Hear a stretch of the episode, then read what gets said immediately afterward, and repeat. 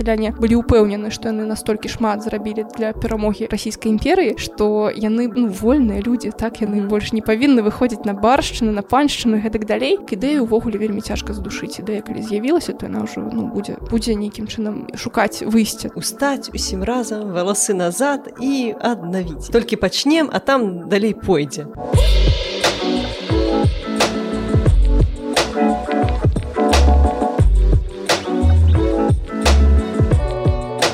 добрый дзень э, альбо вечар альбо ноч з вами падкаст так склалася гістарычная і я дзягельганна рада вас вітаць наших аўдыохвалях спадзяюся у вас усе добра і добры настрой. Сёння у нас у гасцях зноў татяна даўгач кандыдат гістарычных навук навуковец даследчык выкладчык экскурсавод і папулярызатар навукі вітаю і з татяна мы мінулы раз пагаварылі пра далучэнне беларускіх земляў да расійскай імперыі да дайшлі да вайны з наполеонам і сёння мы пагаворым больш падрабязна пра тое што адбывалася пасля гэтай вайны і пагаворым якім чынам яна паўплывала на стан мясцовай шляхты мясцовага насельніцтва ў цэлым у межах палітыкі расійскіх уладаў. Татяна расскажыце калі ласка а якім чынам паўплывала вось падзеі наполеонаўскіх войнаў на стан на адносіны расійскіх уладаў да мясцовай шляхты? Як вядома вайна 1812 года года скончылася паразай французскай арміі так і перамогай расійскай імперыі далей працягвалася яшчэ ваенная кампанія так менавіта на тэрыторыі Еўропы ўжо але э, на вось момант ужо там конца 1812 года на пачатку 1813 года мы можемм казаць пра тое што надзеі на наполеона канешне да у справе аднаўлення некай формы дзяржаўнасці было і так яны ну яны не спраўдзіліся это відавочна і напэўна пачаўся пошук шляхоў новых. Як паўплывала вайна і стаўленне насельніцтва да наполеона увогуле да і да якіх это наступстваў прывяло тут такая гісторыя ну шляхта сапраўды у большасці сваёй перайшла на бок наполеона так і гэта вядома ізноў жа там у іх былі канфіскавана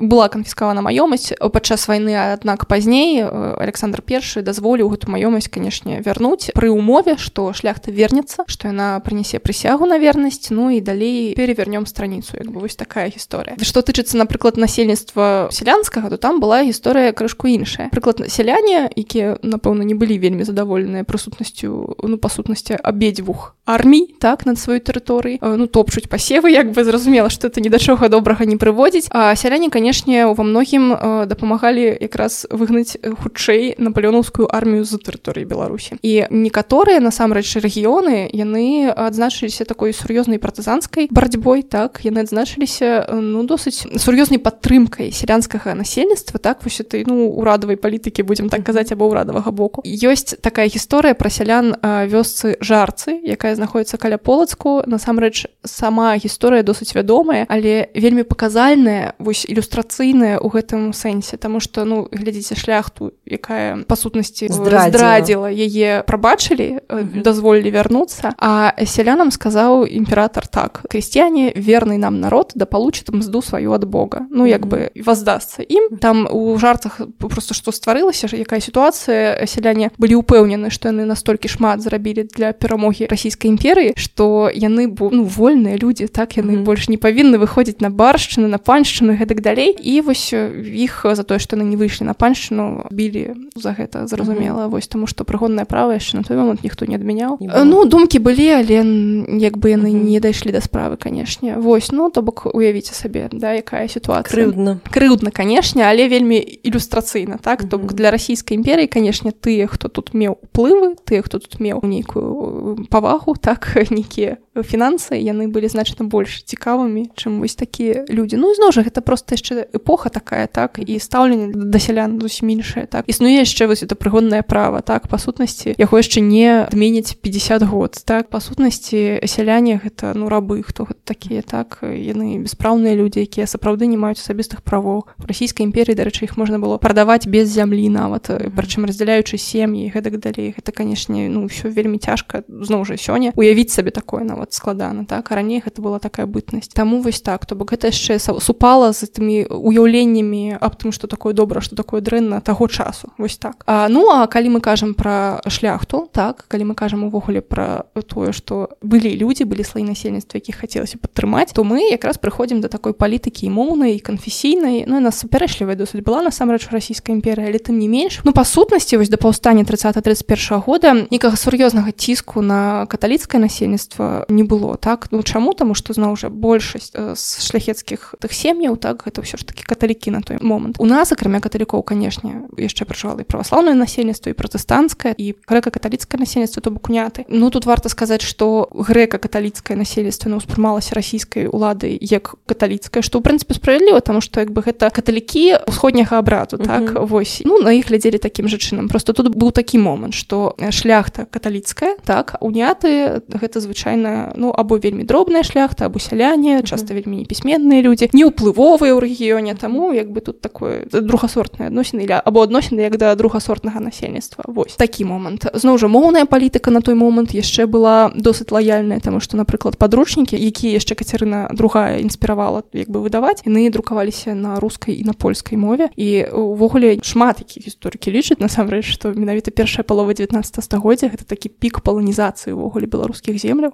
да во як незвычайна так таму што на польскай мове і выдаваліся і вы бачыце падручнікі так і кнігі вось напрыклад першай палове 19 стагоддзя толькі двасоткі кніг якія выдаваліся на нашай тэрыторыі яны былі рускамоўнымі все астатнія былі польскамоўнымі вось так уявіце сабе зноў жа дакументы таго часу так калі мы працуем з архіўнымі дакументамі то сапраўды вельмі цяжка даследчыку не ведаючы польскай мовы працаваць з дакументамі якія тычацца гісторыі беларусі ў складзе расійскай імперыі вось першай паловы стагоддзя. То бок яны вяліся дакументацыя велася на польскай мове. Не ўся канешне але тым не менш вось такія моманты былі моўная палітыка бачыце она не адразу пачалося з таго што ўсё мы пераходзімся на рускую мову і вучымся на рускай мове размаўляем і гэтак далей не ўсё так адназначна не ўсё так просто. Другая палова конечно ну зноў жа не другая палова нават ужо ўжо другая трэця стагоддзя так. Это ўжо канешне зусім іншая гісторыя але пакуль што вось так. Зноў жа пакуль што до 30 гадоў у нас існуе і гэта моўная палітыка бачыце і канфесійная палітыка такая ну досыць лаяльная так mm -hmm. і і гэтак далей. Наконт э, канфесійнай палітыкі таксама дзіўныя крышку моманты на якія хацела бы звярнуць увагу. Таму што канфесійнае пытанне і нацыянальнае пытанне будзем так казаць яно разглядалася ўладамі расійскай імперыі як нешта такое суцэльнае ну то бок я пра тое што прынцыпе характэрная рыса ўсёга напэўна 19 стагоддзя што калі чалавек католік то гэта ну абавязкова паляк або літовец ну і калі пратэстанту таксама хутчэй за ўсё так? Калі гэта праваслаўным то гэта рускі чалавек А дзе ж тады беларус да вось узнікае пытанне такое вельмі цікавае. І насамрэч вось до конца 19 стагоддзя па сутнасці на яго і не было адказу тому што вось былі это две два канцэпты вось уявіць сабе напрыклад там расійскім уладам што існуе можа існаваць праваслаўны беларус або каталік беларус было вось цяжка ну такая подмена насамрэч гэтых э, дэфініцый мелася да то бок канфесійнае і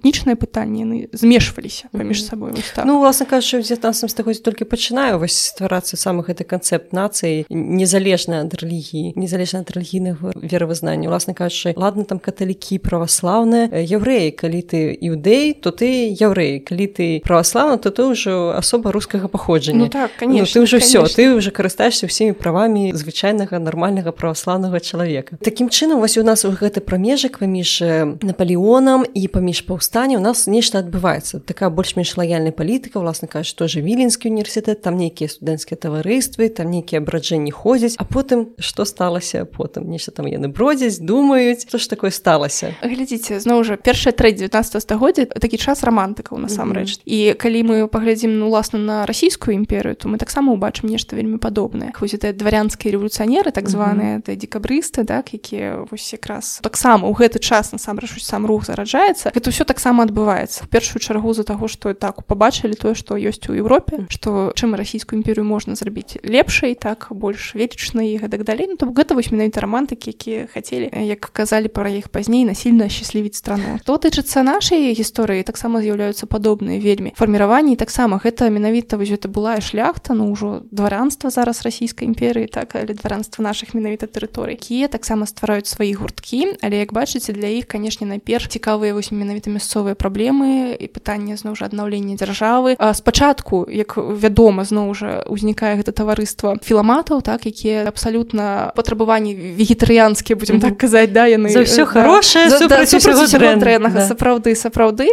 Яны там аднаўляюць рэцэптуру хлеба які выпякаўся калісьці на нашай тэрыторыі там даўнія часы. Яны займаюцца збором фальклорну цэлым гэта такі час беларусазнаўства. З боку як бы расійскіх даследчыкаў узнікае цікавасць да нашага рэгіёну і з боку мясцовых даследчыкаў. Вось зноў жа там археалогія ўзнікае тут вось у нас мясцовая менавіта да з'яўляюцца там першыя музеі і так далей. Ну это ўжо пазней крышку але там не менш можам сказаць што эпоха так плюс-мінус адна. Яны вось цікавяцца гісторыяй канешне яны такія гуманныя вельмі людзі і гэтак далей. Пазней узнікае яшчэ адно такое таварыства так уже таварыства філарэтаў у іх больш такія канкрэтныя мэты так якія тычацца канешне таго што можа быць не спадабаецца ўраду расійскай імперыі. Яны ўжо кажуць аб паскарэнні бы нейкай сялянскай рэформы так яны ўжо кажуць аб канкрэтных палітычных сваіх поглядах і гэтак далей. Ну зразумела ж за імі я думаю што і сачылі іх забаранілі але забарона таварыстваў увогуле забарону ў прынцыпе нейкіх ну нейкіх суполак аб'яднанняў так яна не прыхо не прыводзіць як правіла да іх ліквідацыі то бок яна просто прыводіць да таго што за імі становіцца складаней сачыць то бок яны пераходзяць у нейкае падполле. Ну і нельга сказаць што ў той форме якой яны былі канешне так яны перайшлі але ўсё роўна ну всех гэта ідэі яны не зніклі так і ідэю увогуле вельмі цяжка задушыць. Ідэя калі з'явілася то яна ўжо ну будзе будзе нейкім чынам шукаць выйсце так? Вось і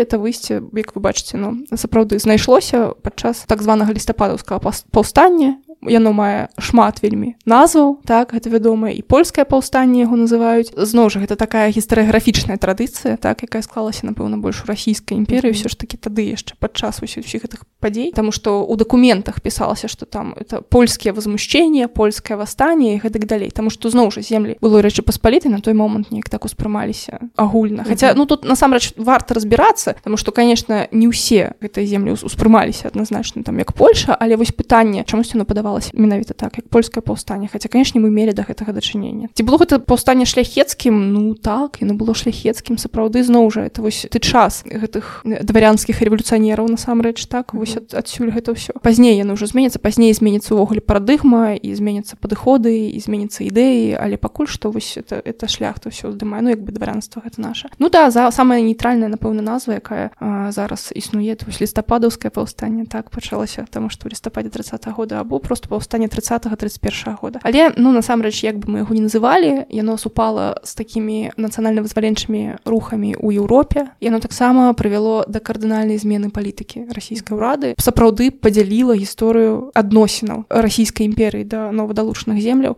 на да і пасля все самыя такія кансерватыўныя нейкія такія жорсткія можа быць патрабаванні ці не патрабаванні а прапановы якія імператарам даносілі якісьці можа быць чыноўнікі так якія казалі што трэба гэта знішчыць там гэту польскасць трэба нешта там раздаць землі рускім трэба вось праводзіць больш жорсткую палітыку русіфікацыі. Все гэта вось нейкім чынам адбівалася ад ліберальнага ўспрымання свету таго ж александра так або там яго папярэдніка ўсё ж такі часы былі іншыя да. То тут уже пасля паўстання 30-31 года все яшчэ нарвалася на такую асобу спецыфічную мікалая першага. Вядомы чалавек досыць менавіта сваёй жорсткасцю так свай кансерватызмам. да такой непамяркоўнасцю я б напэўна нават сказала. Бок вось гэтая паўстане лістападаўскай 30-31 году гэта такое пік ну можна сказать романтызму калі вось устаць усім разам валасы назад і аднавіць і все толькі пачнем а там далей пойдзе. Ну па сутнасці так вось я пра што казала ў мінулым выпуску про тое што вось з'явілася такая не ну, только плыня вось полюс палітычных романтыкаў палітычных максімалістаў вось это якраз яны. Па сутнасці гэта тыя людзі якія аднаўлялі рэч паспалітую не гледзячы ні на што не уяўляюць як яна будзе развівацца што гэта будзе насамрэч. Тому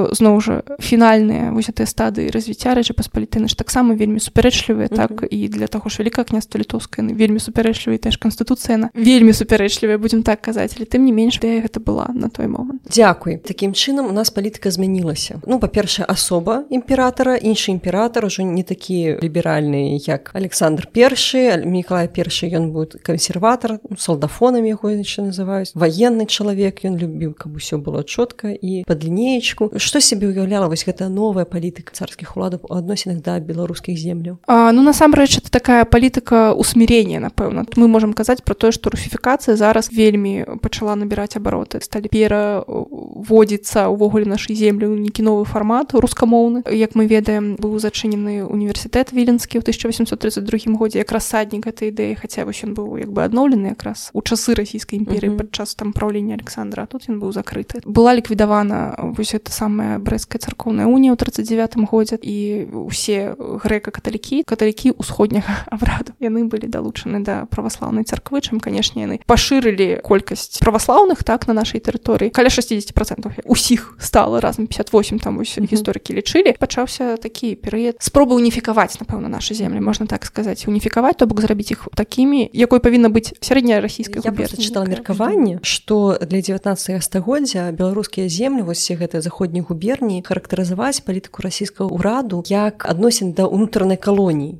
да, што з аднаго боку так гэта наша тэрыторыя да але асаблівы падыход асаблівыя законы яны там больш жорсткія Мачыма нават чым для уласна унутраных цэнтральнай рассіі яны іх можна характарызаваць як унутраную калонію. І гэта ўспрымалася як буфер паміж ну не паміж дзікімі землямі там нейкімі а паміж наадварот іншай цывілізацыі ці можна так сказаць што пачалося менавіта вось гэтая палітыка як да унутранай калоніі менавіта пасля паўстання 30 31 года? А, ну глядзіць я напэўна не зусім просто згодна з тым что это была ўсё ж таки калонія. Насамрэч вось это ідэя яна вельмі звязана ўвогуле з развіццём самой расійскай гістарыяграфіі прычым это 19 стагоддзя такой дзяржаўнай школы гістарыяграфіі про тое что вось так вось это дзяржава яна пашыраецца пашыраецца уключая новыя землі. Ну і такім чынам там і сібір тая ж самае это таксама это калоніі мы это калоніі усе далучнай тэрыторыі калоніі. Ну насамрэч тут можна спрачацца на гэты конт ці буферныя гэтай землі? Ну тут можа быть быть некая такая ісціна ў гэтым у тым сэнсе што канешне гэта магло ўспрымацца расійскай імперыі як буфер так як тэрыторыя якую можна якую трэба больш увагі да. надаваць ну так як як больш увагі і увогуле як такая неспакойная краіна будемм так mm. казаць нават ну вайсковы кантынгент не такі вялікі быў тут на тэрыторыі беларусі вось да гэтага самага паўстання mm -hmm. ну то бок ён конечно меўся зразумела але тут было значна спакайней да паўстання будемм казаць так і яшчэ тут можна напэўна сказаць што сапраўды тут дзейнічалі іншыя законы і это пачалося ўжо якраз падчас паўстання так 30-31 года і бы узмацнялася пазней. Пасля паўстання наступнага 63-64 года увогуле ну прынята казаць што быў тут уведзены рэжым исключительных законаў. То бок тое што дзейнічае толькі тут і больш не дзейнічае ў расійскай імперіі ну конечно розніца была розніца была паміж тым што маецца ў расійскай імперыі і розніца паміж тым што маецца у нас. Так зноў жа ты ўсе буржуазныя рэформы пра якія ў прынцыпе многа сказана канешне яны тут з вельмі сур'ёзным адставаннем праходзілі так і яны не былі былі прагрэсіўнымі настолькі наколькі яны былі для расійскай імперыі прагрэсіўнымі то бок тут праблема была ў тым што выбарнасці напрыклад ну просто некай максімальна змяншалася яна змяншалася яна просто е просто не прысутнічала так зноў жа земства у нас увялі ўжо бачыце толькі там у двадцатым стагоддзе так хаця сама земская рэформа яна была самая самая прагрэсіўная у нас земства былі ўведзены толькі ў некаторых губернях так і ўжо гэта была не прагрэсіўная гэта хваля александра другога так а хутчэй наадварот такая ну контррэформа хутчэй да? Александра третьего то бок тут быў таксама такі спецыфічны момант. Ну і вось ёсць асаблівая такая супярэчнасць тому что з аднаго боку хацелася б каб этой землі уяўлялі сабой вось эту расійскую імперыю Русь. Ну то бок зноў ж там выходзілі пасля нейкіх падзей напрыклад там пасля скасавання брэскай царкоўнай уніі пасля полацкага царкоўнага сабору. Такі медаль выйшаў так там адторжаная возвратіх вот это все ну што вось вярнуліся ўсе улона праваслаўнай царквы. У культурным нейкім свеце так у культурным успрыманні гэта ўсё вось хацелася рассіі да далучана да рассіі а з іншага боку палітыка так яна прыводзіла да таго што наадварот тут былі адрозненні вельмі істотныя таго што адбывалася ў самой расійскай імперы А ну з аднаго боку у нас там всялякія заходні русісты пішуць гэта ісконна рускія землі гэта рускі народ ну так крыху апалячаны тут але калі мы вось тут пыл гэты скінем то тут все рускія але фактычна палітыка і прававая база яна по-іншаму будуецца чым у адносінах да ўласна рускіх земляў ну вось то бок палітыка якраз пацвярджае што тут іншая тэрыторыя вось што рэальная да рэальная палітыка кажа зусім пра іншая такая супярэчлівасць так супярэчлівая нейкая палітыка яна пачала так вельмі сур'ёзна праяўляцца якраз пасля вось гэтых палітычных выбухаў якія тут адбываліся. Да ну і канешне ж найбольш яскрава гэта апошні выбух гэта паўстанне каліновскага пасля якога максімальна вось сапраўды закручаная гайкі выключна законы гэтак далей. Ну там просто паўстанцы як бы перайшлі мяжу напэўна дазволенага тому что яны супраць галоўнай скрэпы можна сказаць паўсталі супраць самадзяржаў як такавога да? Тому что все ж таки аднавіць ну рэч паспалітую напрыклад так это одно пытанне. Ну як бы за гэта ну, зноў жа той же александр першы крыху больш раннія часы ўсё роўна ён напрыклад з вялікай павагай адносіўся таго ж михаила кляфаса агінскага які насамрэч быў удзельнікам паўстання 1794 года. Але александр лічыў что ён змагаўся за радзіму так шчыра змагаўся за радзіму за тое што верыць што любіць і гэтак далей. Таму ён наадварот ну нейкім чынам так натхняўся яго вось гэтай барацьбой. А тут бачыце падчас паўстання 64 года ўжо ішла гаворка про тое што трэба перабудаваць увогуле сістэму. Трэба пазбавіцца ад гэтага атавізму так это самадзяржаўя. А гэта ну галоўная скрэпа сапраўды там самадзяржаўя праваслаўя народнасць. Это шторы афіцыйнай народнасці. Гэта тое на чым нібыта стаіць расійская імперыя. Ну такога прабачыць просто не маглі. Таму тут нават калі вось не гэта пытанне ўздымалася так калі б гэта былі вось не сацыялістычныя нейкія погляды не такія левыя погляды то магчыма по-іншаму все бы адбылося. Ну я маю на увазе что калі мы уявім что ўсё ж таки там паўстане было падаўлена то напэўна не было б такой жорсткасці. А тут это канешне адбывалася ну ўсё страшно -huh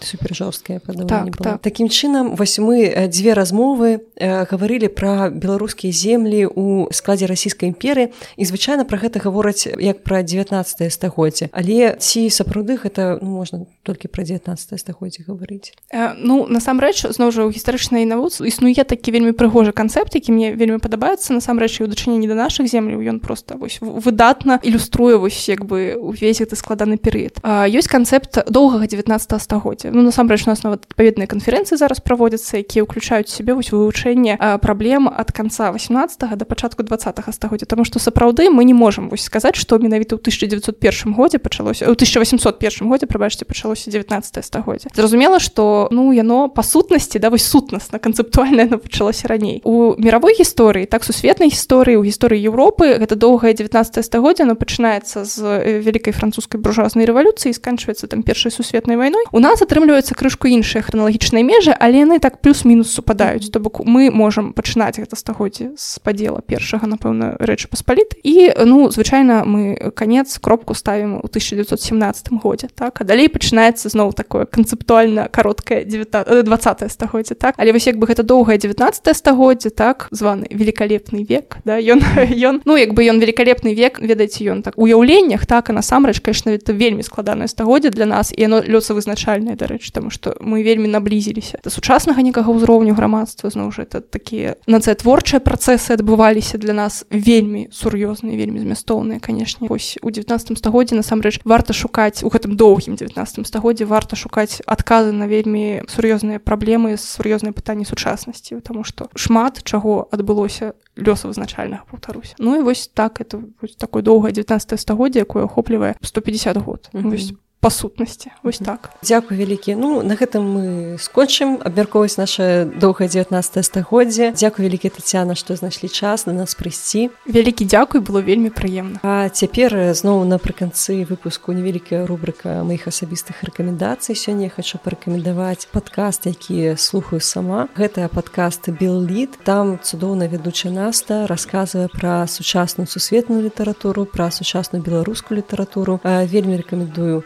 подпісацца на телеграм-канал. Спасылкі будуць у апісанні калі ласка далучайцеся і слухайце пра беларускую літаратуру і чытайце літаратуру разам з настай рэкамендую і напрыканцы хочу зноў такі падзякаваць усім слухачам што вы былі мужныя і даслухалі гэты выпуск іншыя выпускі до конца. Хочу падзякаваць нашим патронам на патрыоне спасылка таксама на патрон будзе ў апісанні хочу падзякаваць усім подписчикам тым хто каментуюць тым хто пішуць свае заўвагі тым хто слухаюць у apple у яндекс у іншых прыкладаннях у google подкастах я ўсё гэта вельмі вельмі адсочваю чытаю усе каментарыі гляджу кожны ваш лайк. Дзякую вам вялікі і да новых сустрэч. у